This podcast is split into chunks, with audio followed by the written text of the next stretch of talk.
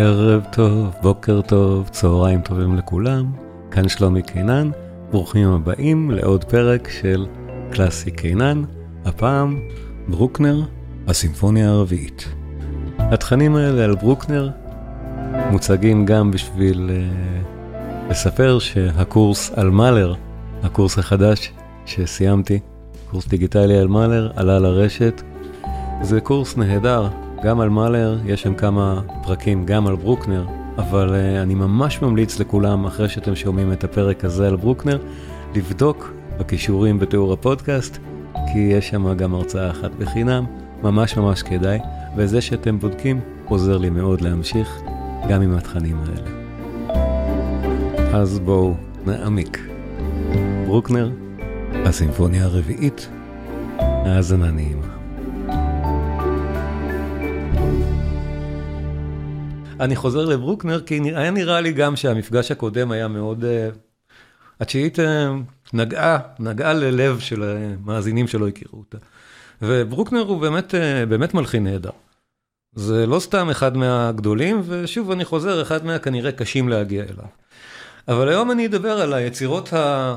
שוב, יחסית קלות של המלחין הקשה, שהוא ברוקנר. ברוקנר הלחין תשע סימפוניות. שוב, הקללת התשיעית הזאת, שכולם הלחינו תשע. עכשיו, כמו שהקללה היא אמונה תפלה ולא נכונה, ברוקנר לא, לא, לא הלחין באמת תשע סימפוניות, הוא הלחין 11.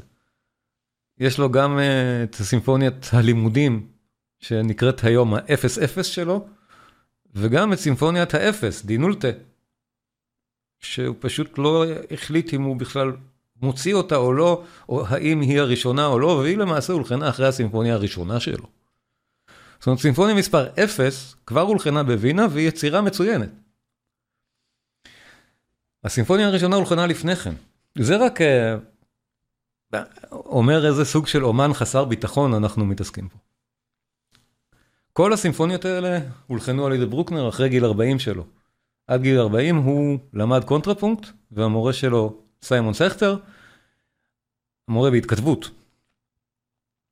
אה, השיטה שלו הייתה שאסור לברוקנר להלחין יצירות פרט למה שהוא מחויב בתוקף עבודתו בכנסייה, עד שהוא מסיים את לימודיו אצלו בקונטרפונקט.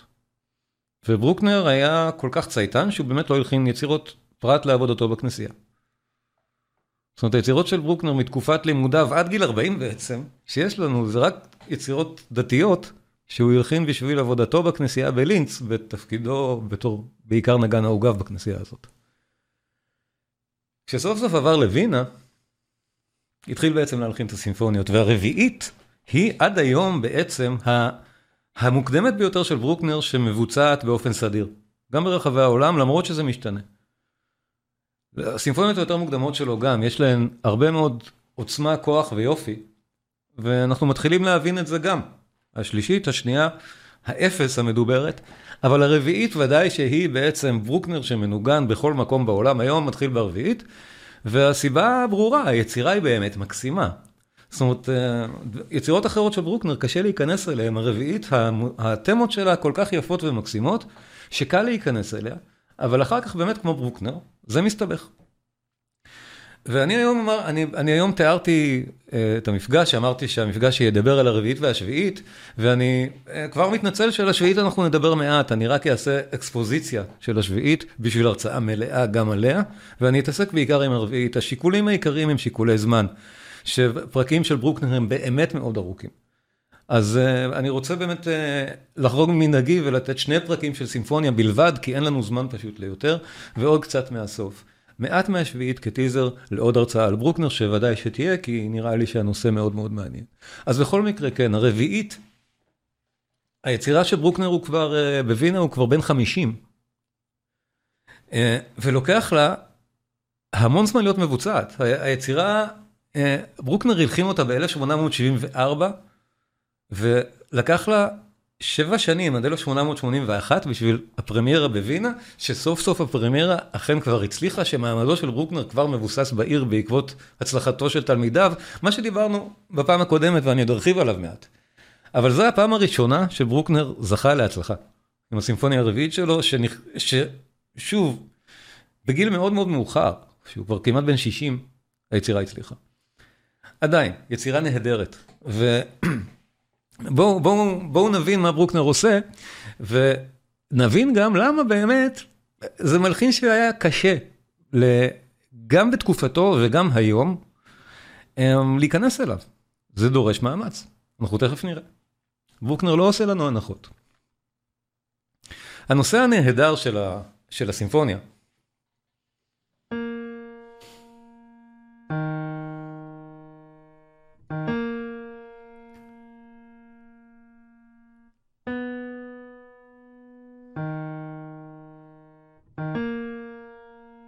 זה נושא מאוד פשוט. זה הנושא הראשי, שברוקנר פה על הספן הזה, של כל הסימפוניה בעצם, עושה לנו את המעגל השלם עם הנושא הזה. הוא בעצם עם חלקו הראשון.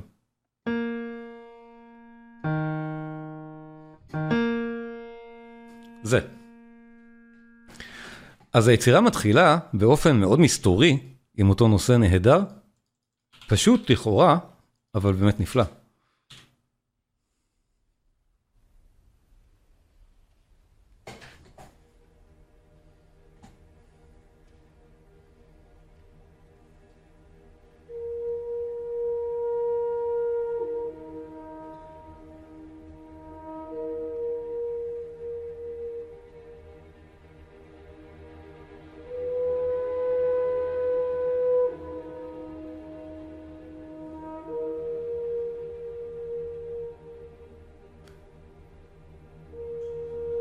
עכשיו, אם אנחנו זוכרים את הפתיחה של התשיעית, המסתורין היה מאוד דומה.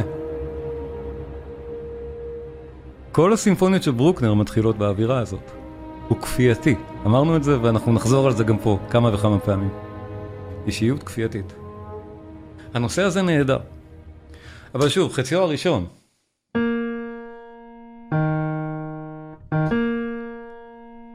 הוא החצי שחשוב לברוקנר, אנחנו נראה שבמהלך הפרק הבאמת מורכב הזה, שאני עתיד לעזור להאזין לו, ודאי, הנושא הראשון הזה חוזר בכל מיני צורות.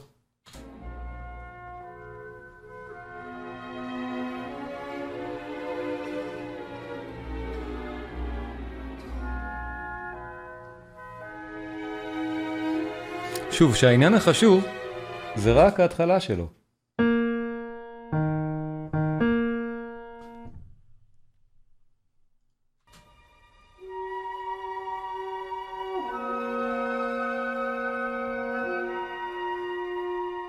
כל הדבר הזה נבנה בשביל שהשיא בעצם של הנושא הראשון שמגיע כאן,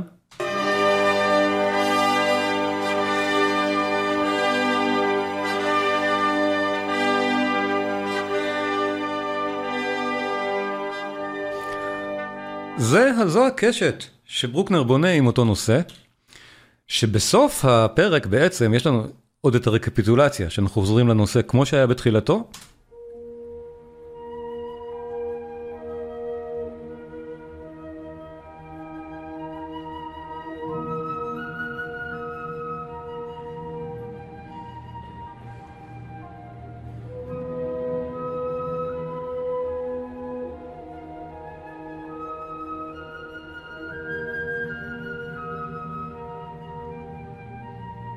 ובסוף הפרק יש לנו את הסיום הגדול, שבו באמת הדבר כאילו נפתר באופן הכי סופי או דפיניטיבי שאפשר לפתור את זה.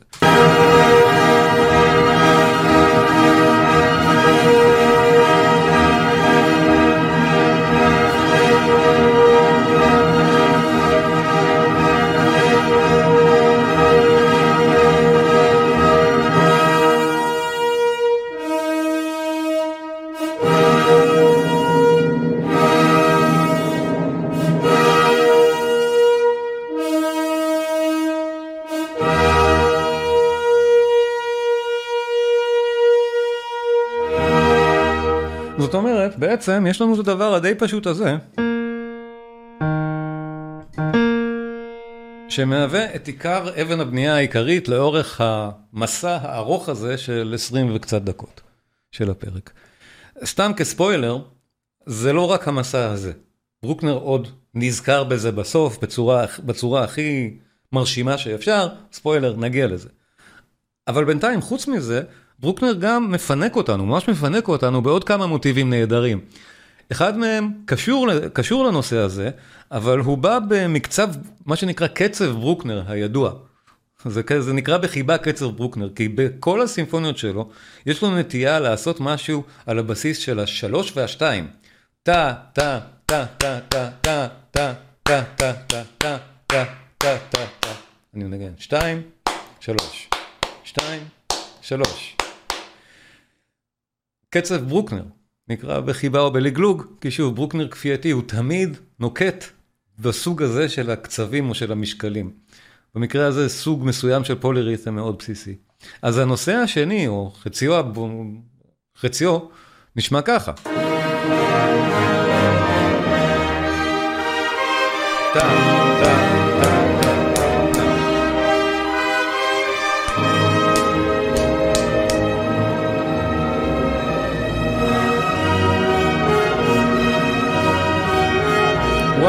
two, one, two, three, one, two, one, two, three.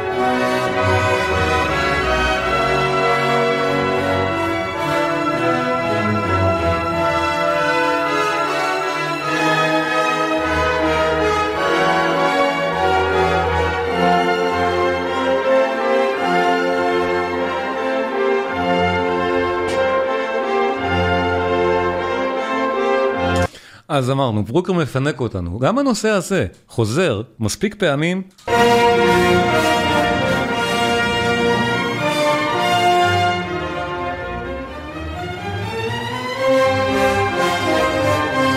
כל פעם, הטה, טה, טה, טה, טה, לאורך הפרק, בשביל שאנחנו נוכל להרגיש את הצורה המאוד חזקה שברוקנר כן נוקט פה, כי המוזיקה היא אבסולוטית לגמרי, אין לה סימפוניה, שום תוכנית, ברוקנר קרא לה הרומנטית. נושא השלישי, לא פחות מקסים.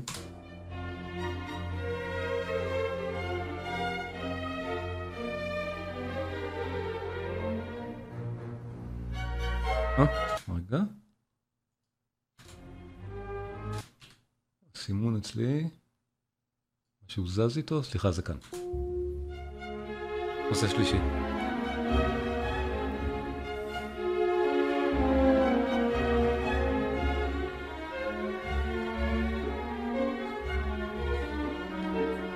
אז אמרנו גם לסימפוניה התשיעית וגם פה. היצירה או הפרק מאוד מאוד מורכב, כי ברוקנר באמת לא עושה לנו הנחות כמאזינים. הוא לוקח שלושה נושאים נהדרים, ומפתח אותם סימפונית נהדר. ואנחנו תכף נשמע את המסע הסימפוני של הפרק הראשון הזה, עליו אני אתן עוד קצת רקע, אבל הנה, עד כמה מקסים הנושא השני הזה. עכשיו, אם ברוקנר היה מלחין מוזיקה שאיננה אבסולוטית, הוא היה הופך את זה לסוויטה יפה, או למוזיקה שבאמת אפשר... מסחרית, אולי זאת תהיה המילה. אבל זה לא מעניין אותו בכלל. הוא לא מלחין כזה. יש המון רגעים מהסוג הזה אצל ברוקנר, שכמו שאפשר לראות אצלי בגרף, זה עתיד להיקטע במין קרשנדו ברוקנריאני מאוד גדול. תכף אנחנו נשמע את כל הפרק הסימפוני הארוך הזה, עם שלושת הנושאים שלו, ואני אציג אותם בזמן שהם קורים, ותוך כדי האזנה אני גם אספר עוד מעט על הרקע של הסימפוניה. אנחנו מתחילים באמת בתמה הנהדרת הזאת של הקרנות.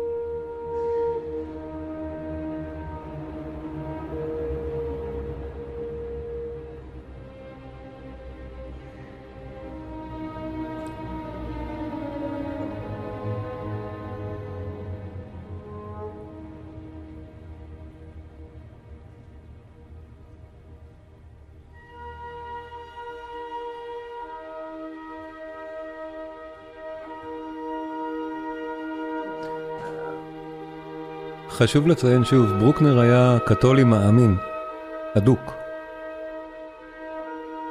בסימפוניה התשיעית הוא הקדיש לאלוהים, דיברנו על זה. אבל את כל המוסיקה שלו הוא כתב בעצם לאלוהים.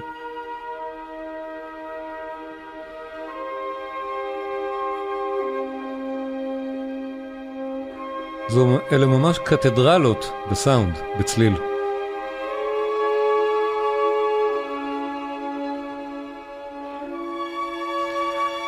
בנייה ברוקנריאנית, הוא בונה את הקרשנדו הנהדר הזה לתוך הנושא השני. תמיד במספרים זוגיים. ובקצב ברוקנר. 2, 1, 2, 3, 1, 2, 1, 2, 3, 1, 2, 1, 2, 3.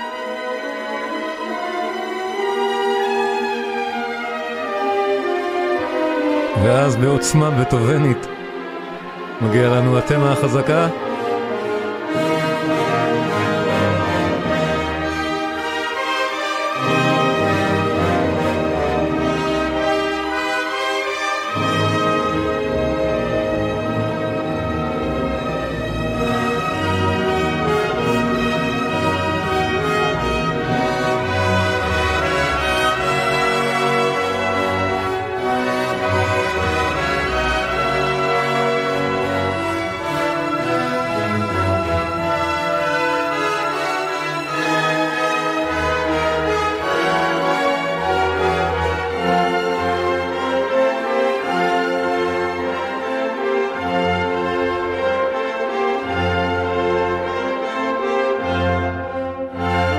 נוגה, אני חושב שהשיר אמריקה... אוקיי, שנייה. עכשיו, נושא שלישי. שימו לב, ברוקנר מאוד מסודר מהבחינה הזאת. הוא מפריד לנו את קבוצות הנושאים שלו יפה מאוד, על מנת שיהיה לנו קל יחסית להבחין ביניהם, למרות שכל אחד, כל קבוצה היא מאוד ארוכה. אה, נוגה כתבה גם בסיפור הפרברים, השיר אמריקה הוא במקצב 3 ו-2, נדמה לי שאמריקה הוא לא 3 ו-2. טקה, טקה, טקה, טקה, טקה, טוב, שתפסיק המוזיקה אפשר יהיה לבדוק את זה, אבל כן, זה גם במשקל משקל מעניין, נכון.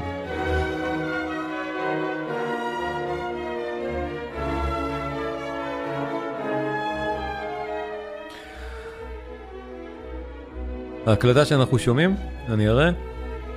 דיברנו בפעם הקודמת על הקלטות והבטחתי שאני אשמיע את שלי בדקה בברוקנר. הזו הרביעית של שלי בדקה, אחת מהטובות בהקלטות שיש בכלל.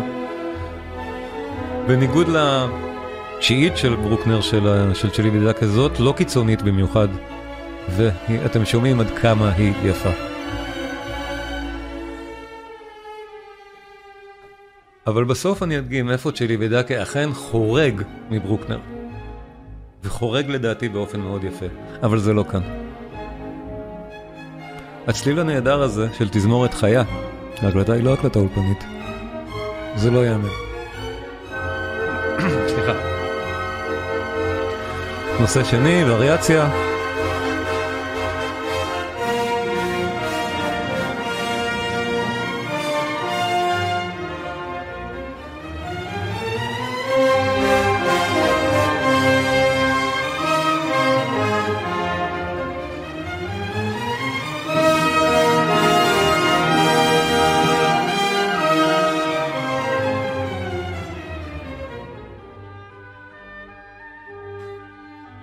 אז כן, יש המון הקלטות של ברוקנר.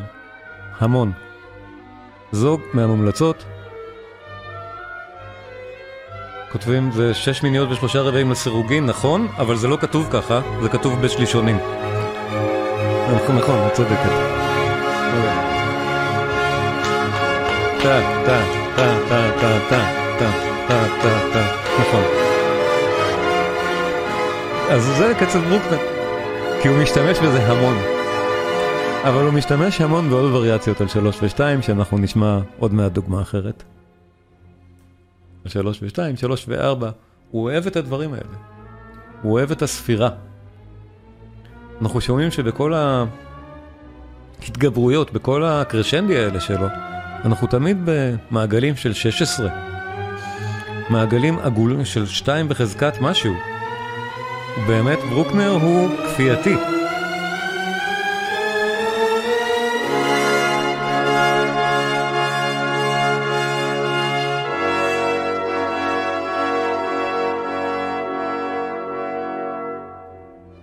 חוזרים לנושא השלישי.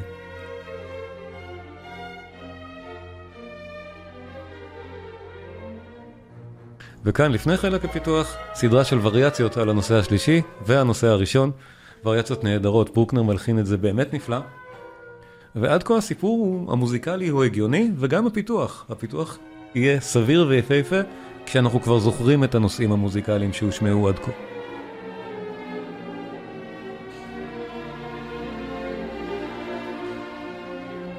זה הזמן למי שהצטרפו עכשיו. אלה הפרטים שלי והתמיכה שלכם מאוד מאוד עוזרת. אה, בשביל תוכן בטח כמו ברוקנר, כמו דברים אה, באמת מעמיקים מהסוג הזה, אה, אני אסיר תודה לכם, אז שלומי קינן להעברות 054-774-7771, או לחשבון מזרחי טפחות, סניף 423, חשבון 253-276. אני ממש מודה לכם, אני יודע שבמתג החדש יש הרבה שמאחרים, אז לא רואים את זה בהתחלה, אני מקרין את זה גם באמצע. אה, תודה. התמיכה מאוד מאוד עוזרת.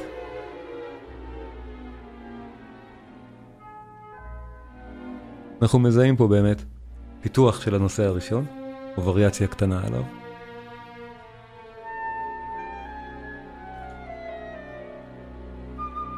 ותכף אנחנו נכנסים לחלק הפיתוח עצמו, שבו אנחנו באמת נשמע את הנושא הראשון מתפתח. אנחנו זוכרים אותו.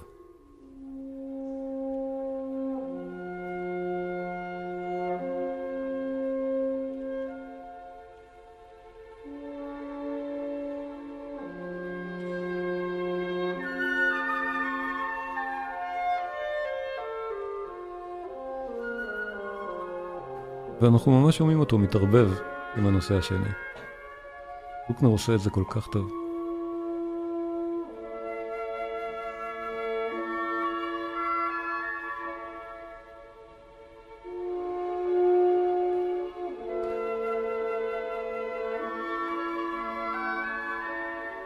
וכמו שכבר התרגלנו אצל ברוקנר, יש לו תמיד את הקרשנדי המאוד גדולים האלה. שימו לב למה שבא עכשיו. מעגלים מסודרים של 8 או 16 עולים ועולים ועולים ועולים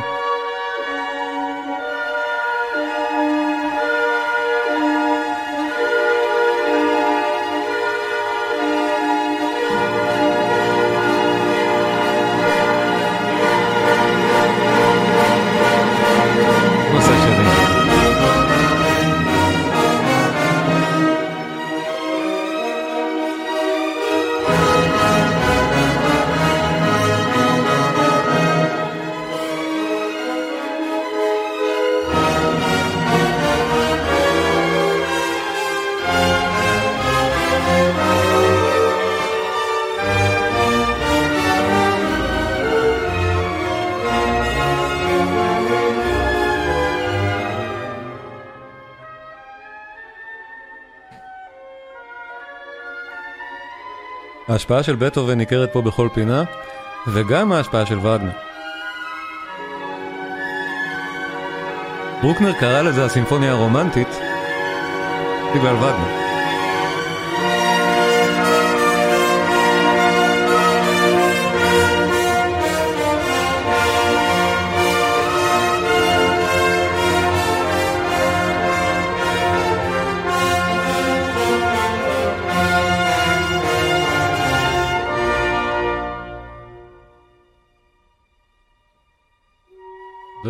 שוב, התמה הראשונה, ברוקנר רוצה שנזכור אותה, יש לו סיבה מצוינת.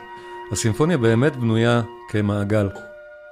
אחרי הארק הזה של הפרק הראשון, אנחנו נקבל עוד אזכור חזק מאוד של זה בסוף. וחשוב לו שנזכור את זה.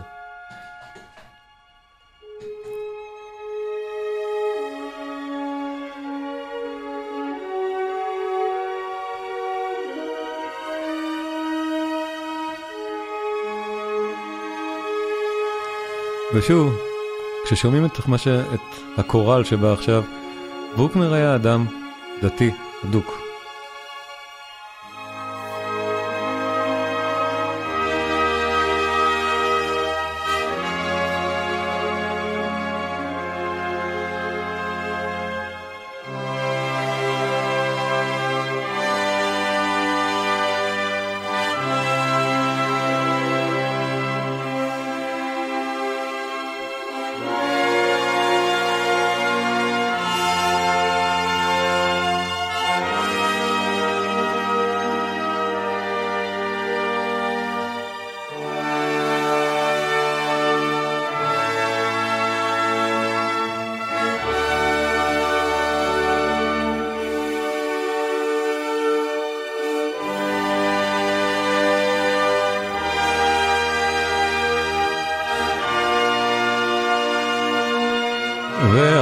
והרזולוציה, הרזולוציה של התמה.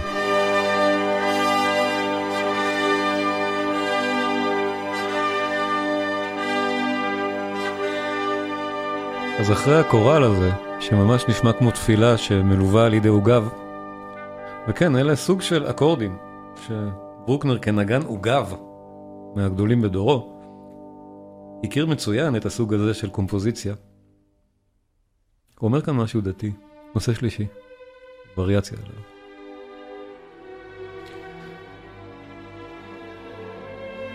אז באמת בחלק הפיתוח הזה ברוקנר לא מקל על המאזין לעקוב אחרי המוזיקה בלי הסבר מהסוג הזה. המוטיבים באמת מסולסלים אחד בתוך השני באופן מאוד יפה ומעניין, אבל שדורש העמקה.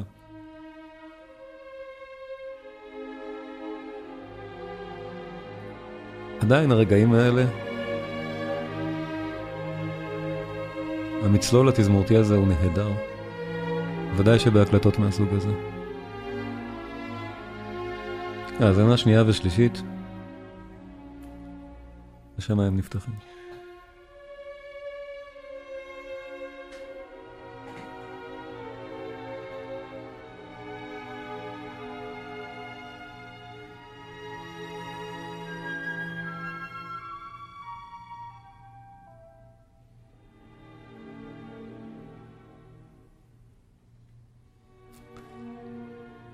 ברוקנר היה כל כך חסר ביטחון, שהגרסה הראשונה של הסימפוניה, שני פרקים היו אחרים ממה שיש לנו בגרסה הסופית שלה.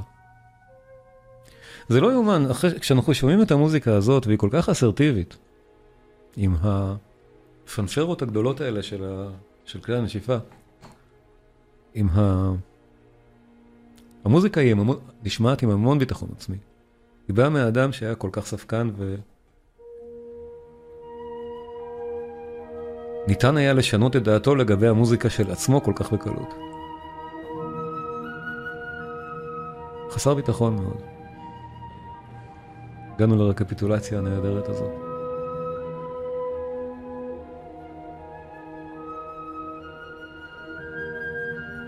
הגרסה הסופית של הסימפוניה, שאנחנו שומעים אותה היום, שני פרקים מתוכה לא היו בגרסה הראשונה, אלא ברוקנר שינה אותם. הסקרצו והפינאלה. עד כדי כך.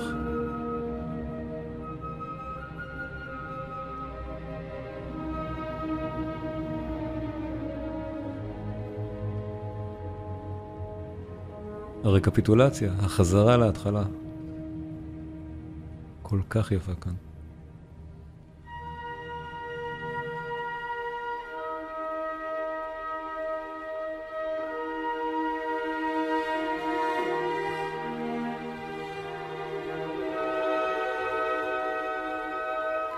והקווים האלה, אחד אל השני, מה שנקרא קונטרפונקט. על כך גם תהילתו של ברוקנר כמורה. מורה הקונטרפונקט, הבכיר באירופה, הקווים האלה, מולחנים כל כך יפה.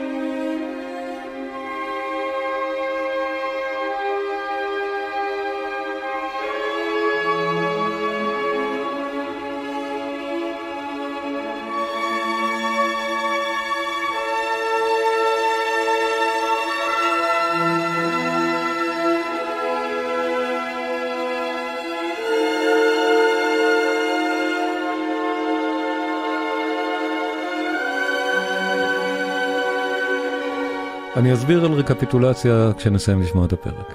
חיה, תכף. הנה, קצב ברוקנר, עוד מעט מגיע התמה השנייה. אז כן, זו רקפיטולציה. אנחנו חוזרים על הצמות מתחילת היצירה, ווריאציות מינוריות, אבל אנחנו חוזרים על התמות מהפתיחה.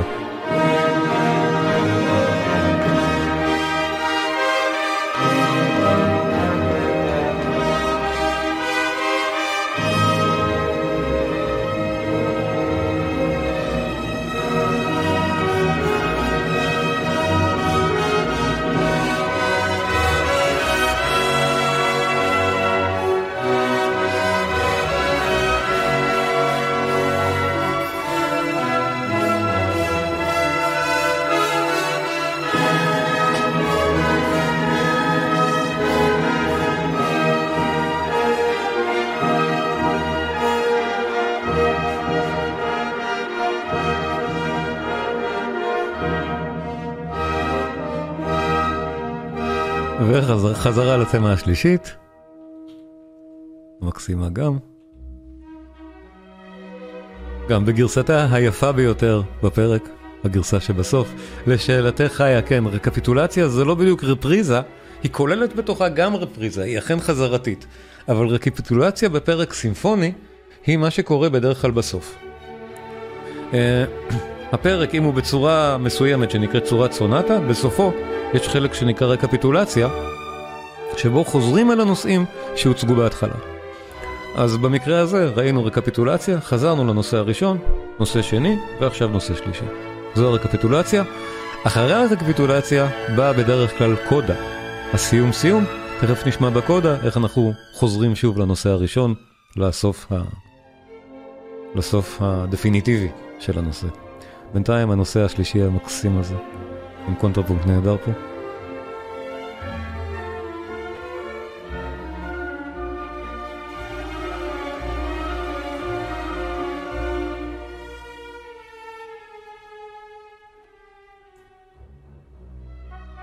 כמו שממש אפשר לראות, ברוקנר עוד יבנה לנו שיא, שתכף בא ממש עכשיו. נותן השראה למלחמת הכוכבים. ברוקנר מאוד השפיע על מוזיקה קולנועית, זה נכון. אנחנו עולים פה לעוד שיא. הסימפוניה השישית שלו אפילו יותר מזאת.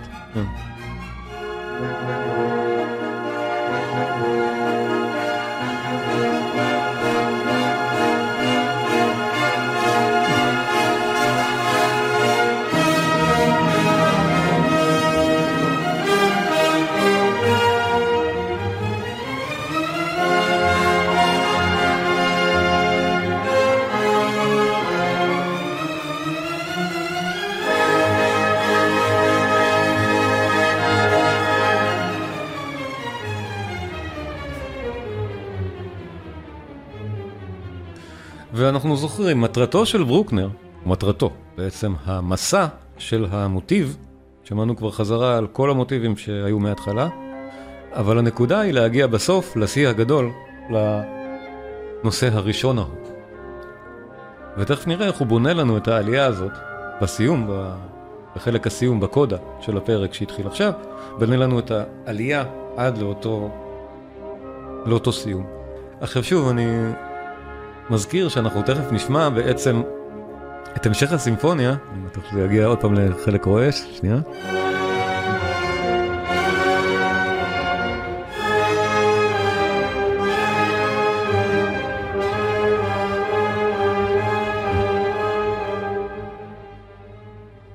וגם ברוקנר יודע שהקהל ששומע את המשך הסימפוניה, יש לו עוד הרבה מאוד זמן עד שהוא בעצם שומע את המסקנה ה... של המוטיב הזה עוד שעה בערך, או שעה ו...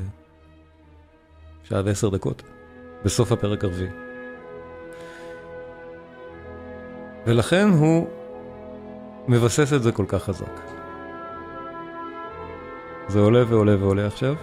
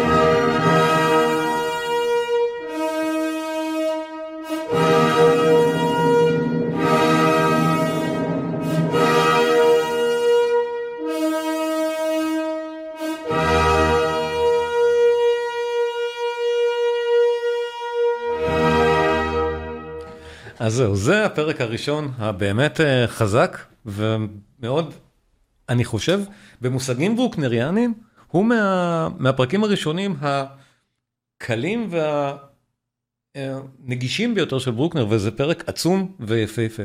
שמע, שמענו עד כמה הוא חזק. אה, לברוקנר חשוב היה שנזכור.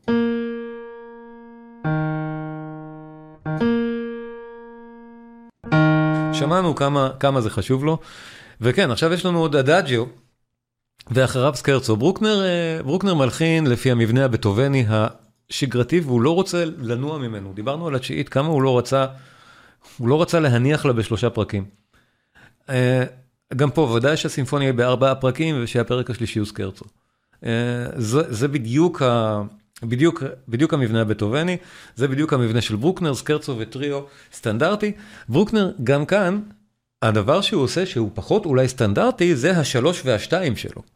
שגם פה יש לנו מין שלוש ושתיים שמסודרים אמנם בצורה שונה, זה לא הקצב ברוקנר של טה, טה, טה, טה, טה, אלא זה פה מסודר קצת אחרת במוזיקה, אבל גם פה יש התנגשות של שלוש ושתיים.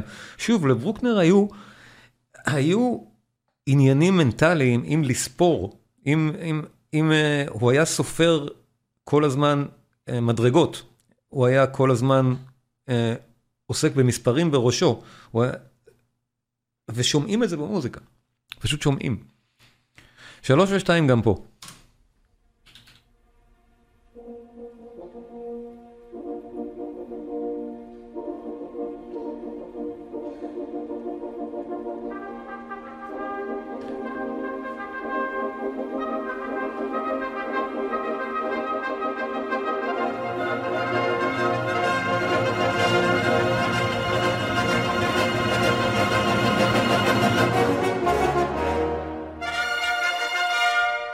לנו גם כאן כל הזמן שלוש על שתיים. טה, טה, טה, טה, טה, טה, טה, 1, 2, 1, 2, 3, 1, 2, 1, 2, 3, 1, 2, 2, 2, 2, 2, 2, 2, 1, 2, 1, 2, 3, 1, 2, 1, 2, 3. כל הזמן ברוקנר עם הקצבים האלה של 3 ו-2, ואם אנחנו שומעים את פתיחת הקרנות הזאת, שמתחילה את זה, ברוקנר אכן כמעט מצטט פה את וגנר בחלק הציד מטריסטון ואיזולדה שלו. ברוקנר מאוד אוהב את וגנר, היצירה הזאת אמנם לא מוקדשת לווגנר, יש שתי יצירות אחרות שכן, אבל, אה, אבל כאן הוא כמעט מצטט. הסיבה, הסקרצו הזה נקרא סקרצו הציד, והסצנה אצל וגנר היא גם סצנת ציד. זה פרק שברוקנר החליף, שוב, הבכורה, למרות, ש, למרות התקבלה די באהבה, ברוקנר החליט שזה לא מספיק טוב, החליף את הפרק, הסקרצו המקורי של היצירה, בסקרצו הזה, בסקרצו שנקרא היום האנט, וכנראה ההחלטה שלו הייתה נכונה, הסקרצו הש... הישן של היצירה מוקלט מעט מאוד. אה, פרק הסיום של היצירה, יש לי הקלטה שלו, אבל הסקרצו הזה אין לי הקלטה שלו. אה, עדיין, הפרק, כמו שאפשר למצוא אותו בכל ההקלטות, זה הסקרצו הזה, הסקרצו שנקרא האנט. אמ, פרק מקסים, מאוד ידוע של ברוקנר, ובאמת נותן אווירה שונה מהפרק הראשון ששמענו. אמ, בפרק הרביעי אנחנו חוזרים לאווירה של הראשון, אז אולי ברוקנר רוצה אה, שנרגיש מעט יותר אה, מוזיקה יותר שמחה. עדיין, הסימפוניה היא יצירה אבסולוטית. כשהיצירות האבסולוטיות הן כל כך ארוכות, שם כמו הסימפוניה הרומנטית נותן משהו להיאחז בו. הפרקים האלה ש, שאורכם אה, כל כך גדול, זה שזה דומה למשל למשהו מטריסטן ואיזולדה, אה, גרם להרבה מאוד פרשנויות עד כמה הסימפוניה הזאת יונקת למשל תכנים מווגנר, עד כמה ברוקנר מתייחס פה אה, ספציפית לרומנטיקה של זיגפריד, לרומנטיקה של אה, לוהנגרין. אה, לכן הוא קרא לה סימפוניה רומנטית. אולי כן ואולי לא. המוזיקה הזאת, למרות מה שנאמר עליה, מחזיקה מעמד נהדר גם בלי השוואות לווגנר. בואו נשמע את הפרק.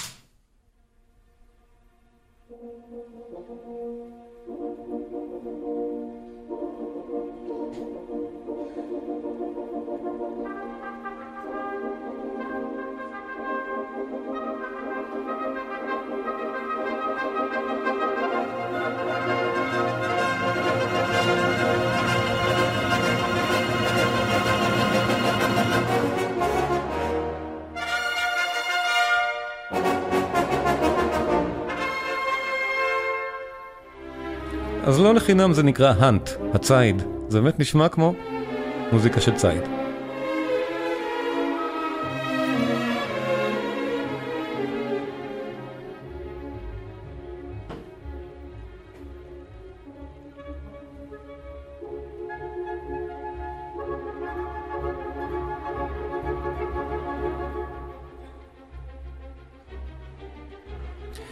עכשיו, מי שמכיר או זוכר מאלר מההרצאות שלי, כל הקטעים האלה מזכירים כל כך את מאלר.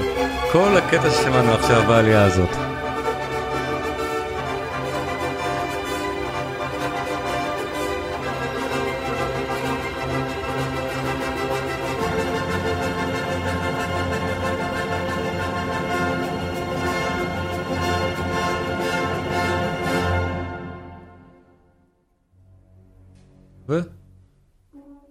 נושא שני של הסקרצו, אנחנו עדיין לא בטריו.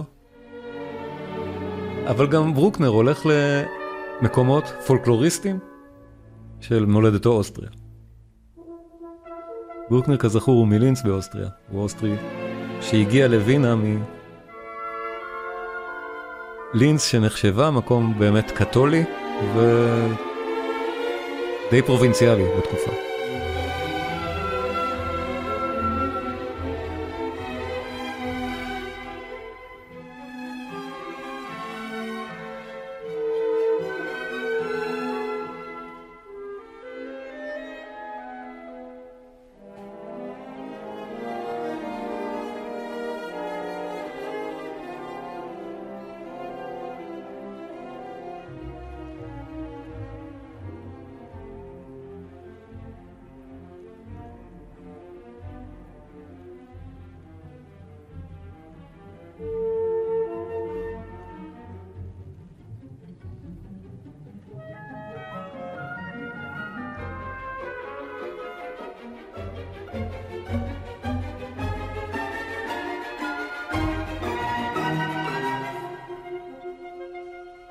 אם מרגישים, חזרנו לנושא הראשון, זה כבר מגיע, זה מאוד דומה, אנחנו כבר מגיעים אליו, וזה סוג של מעבר שמאלר נוקט אחר כך. מאלר מאוד מאוד מושפע מברוקנר.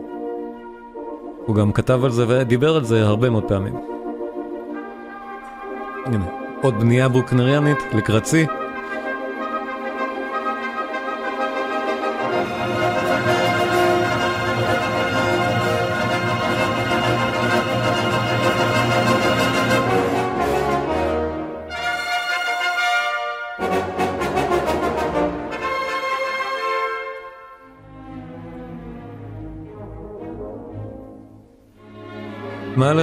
בן 16 כשהשלישית של ברוקנר בוצעה ביצוע הבכורה בווינה. הוא היה אחד מ-20 האנשים האחרונים שנותרו בקהל כשהיצירה, כשהביצוע הסתיים. ומאז הוא ממש העריץ את ברוקנר ואת המוזיקה שלו, הוא גם למד אצלו קונטרפונקט. והיה אחד מהמנצחים, או אחד מהמוזיקאים שניסו לקדם את המוזיקה של ברוקנר הכי, הכי הרבה.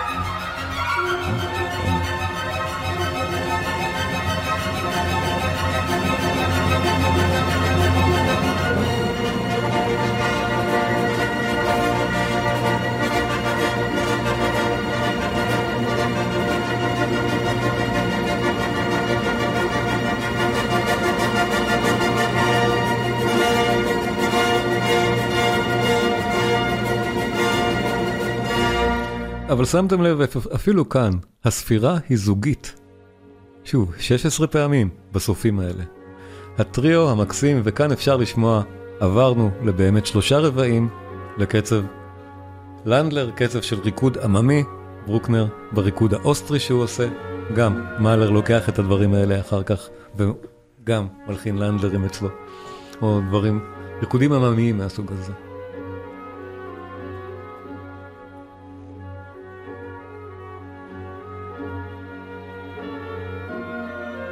בבנייה הסטנדרטית זה חלק הטריו בתוך הסקרצו.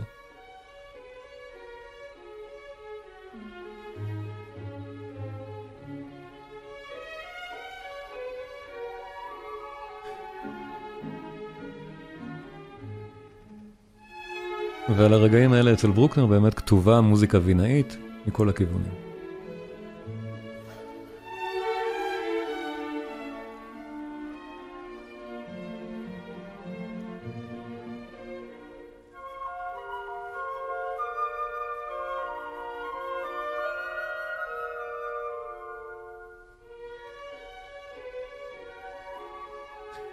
מאלר ושאר תלמידיו של ברוקנר, כאמור, דיברתי על זה בפעם הקודמת, עשו מעט בלאגן עם גרסאות, ה...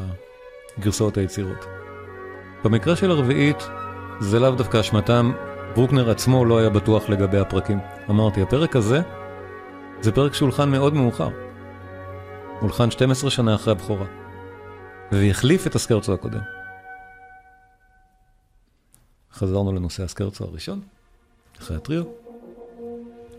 אבל במקרים אחרים, עניין הגרסאות היה חשוב כי בגלל הגרסאות השונות של יצירותיו של ברוקנר, שתלמידיו פשוט שכנעו אותו לשכתב יצירות, לשכתב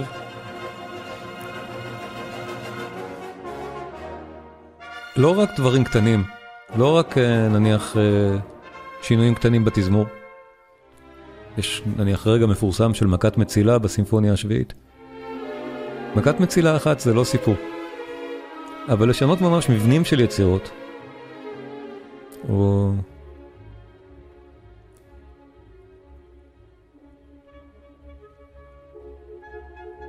ענייני תזמור מאוד רחבים. זה כן יש בהבדל הגרסאות של ברוקנר, וזה דבר שלפעמים צריך לשים אליו לב. מצד שני זה מאוד מעניין, כי גרסאות שונות מחדשות לנו את היצירה. בואו נשמע את השיא הזה.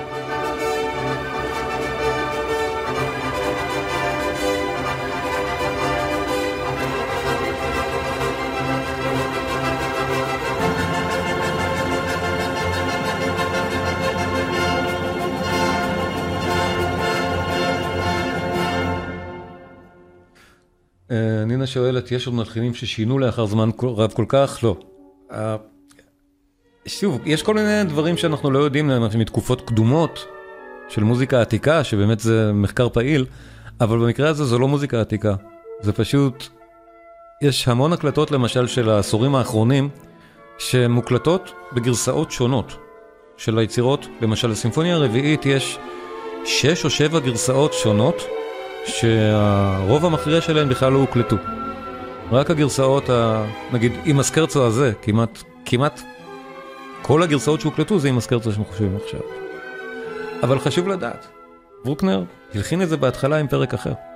ואת הסקרצו השני, אה, סליחה, את הפרק הפינאלי של היצירה, שיש לו גם גרסה שונה, אה, יש הקלטה של טינטנר מאוד מפורסמת שלו. ומחזור מחזור הסימפוניות של טינטנר למשל, אלו הקלטות של היצירות של ברוקנר בגרסאותיהן היותר מקוריות או היותר ישנות, לפי מחקר מודרני, מאשר הגרסאות הנפוצות. אבל הדבר הזה כל כך מסובך שאני לא רוצה להלאות אתכם בו. אני לא, אלא אם בא לכם לפתוח בעצמכם ויקיפדיה ולהתחיל לקרוא על ענייני הגרסאות השונות, זה סיפור באמת מאוד מסובך. מה שכדאי לדעת, אם תרצו המלצה באמת לשמוע גרסאות מעניינות ומרעננות של ברוקנר. האוסף של טינטנר הוא מצוין לזה, גם uh, קיבל, זכה בפרסים על כך. של uh, הגרסה של השמינית למשל, היא גרסת המקור לפני שקיבלה שינויים של התלמידים של ברוקנר. דברים מהסוג הזה, אני עוד מעט אמליץ. בינתיים צ'לי בידיקי נהדר פה. פשוט נהדר. וזו גרסת נובק, גרסת הביצוע המקובלת, יש גרסת האס, גרסת נובק, שתי הגרסאות האלה מקובלות.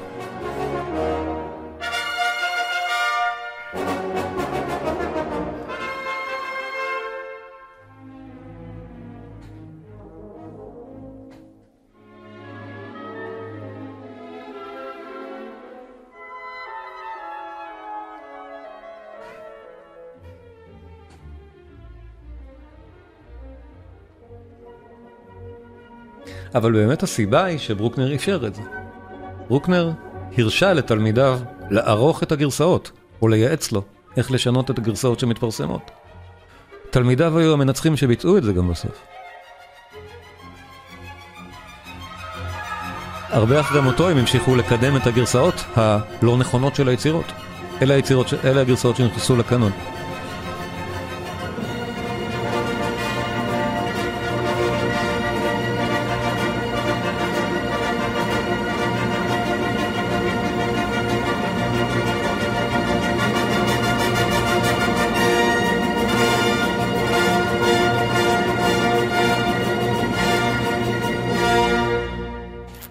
איזה פרק, אה? חזק, המוזיקה של ברוקנר. הסימפוניה הזאת באמת נהדרת, ואישיותו של ברוקנר, המעט כפייתית אולי, אנחנו שומעים בספירות האלה, אבל בטח שלא באסרטיביות הזאת. המוזיקה באמת אסרטיבית. אבל אה, אני, אני שוב חוזר, אני מתנצל, הסימפוניה השביעית, אנחנו נעשה בשבילה מפגש, מפגש שלם. אני אה, לא, לא חישבתי נכון את, ה, את הזמנים, היצירות האלה באמת מסיביות. אז אה, לסיום, הפרק האחרון של, הש, של הרביעית הוא גם, הוא אורכו כאורך הפרק הראשון או מעט יותר, והוא כבד כמוהו. אז אני רק רוצה שניזכר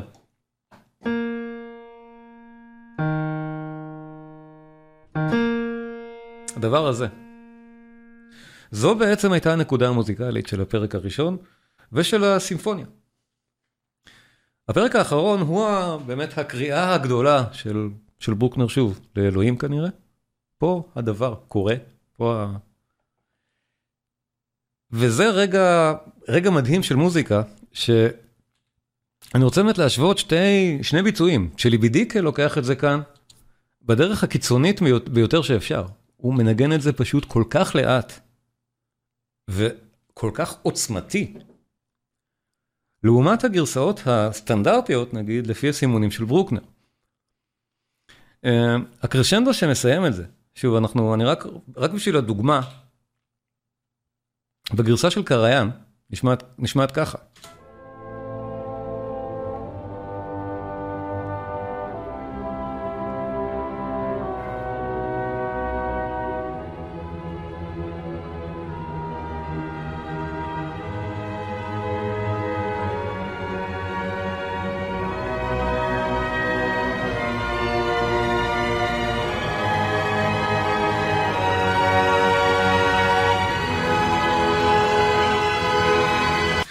עוצר, שימו לב אצל צ'ליבידיקה, איך אותו חלק בדיוק נשמע.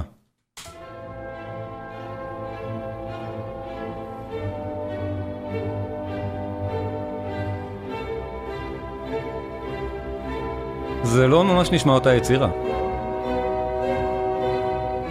זה כל כך שונה.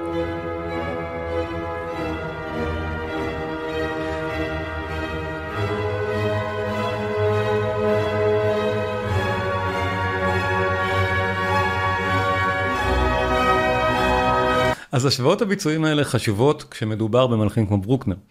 אה, שווה לפעמים להקשיב ליותר, מ, ליותר מגרסה אחת.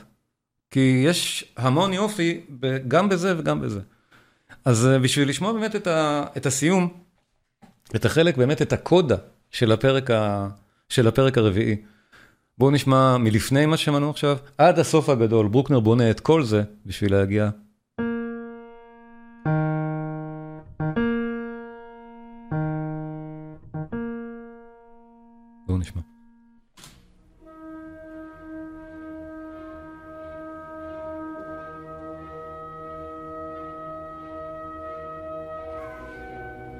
זו הקלטה של שלי בדקה, שהוא לוקח את זה לאט, הכי לאט שאפשר.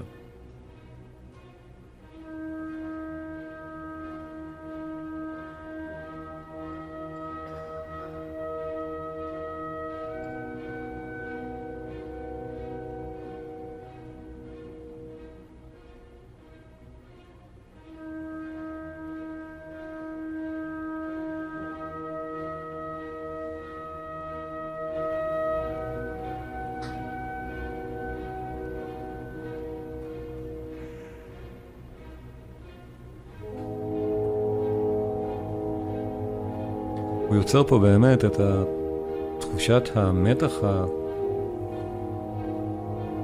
הקדוש הזה של ברוקנר, כנראה זו המילה, אבל הוא, ברוקנר ודאי שלא מסמן לנגן את זה כל כך לאט. זה עדיין מדהים.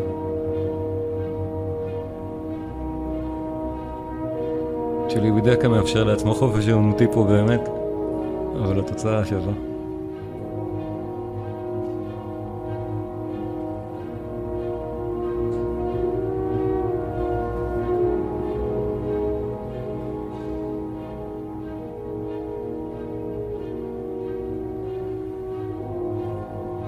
מי שמכיר מלחינים מודרניים כמו מייקל ניימן למשל, החלק הזה נשמע ממש כמו קטע שלו. עם התנועה הזאת של המיתרים.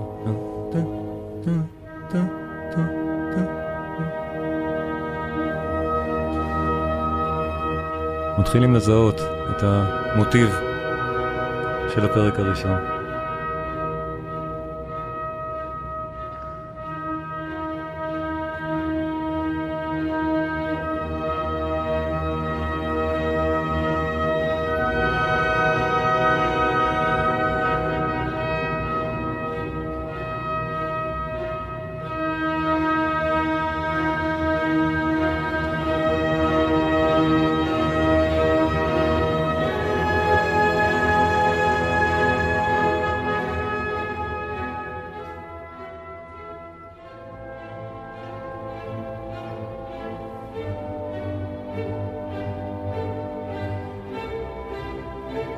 וברוקנר כבר שמענו, בנה לנו הרבה מאוד שיאים מהסוג הזה לכל אורך הסימפוניה, וזה האחרון שבהם שיא השיאים, סוף הפרק הרביעי.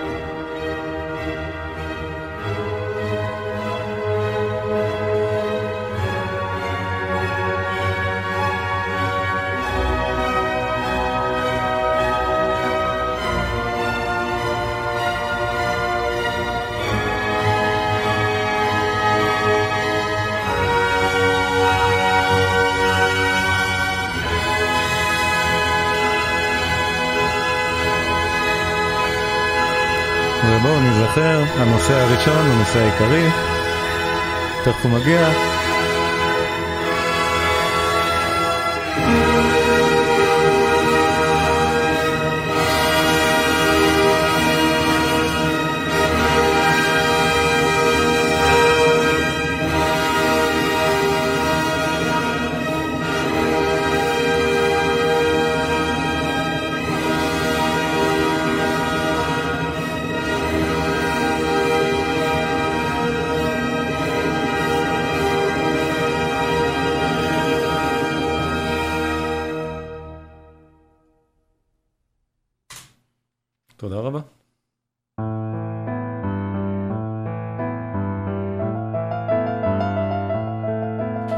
תודה רבה לכולם על ההאזנה, ואני שוב ממליץ לבדוק בכישורים של תיאור הפודקאסט את הקורסים הדיגיטליים, במקרה הזה הקורס החדש על מאלר, שיש בו גם תכנים על ברוקנר, זה קשור, זה שייך, אבל בעיקר על מאלר.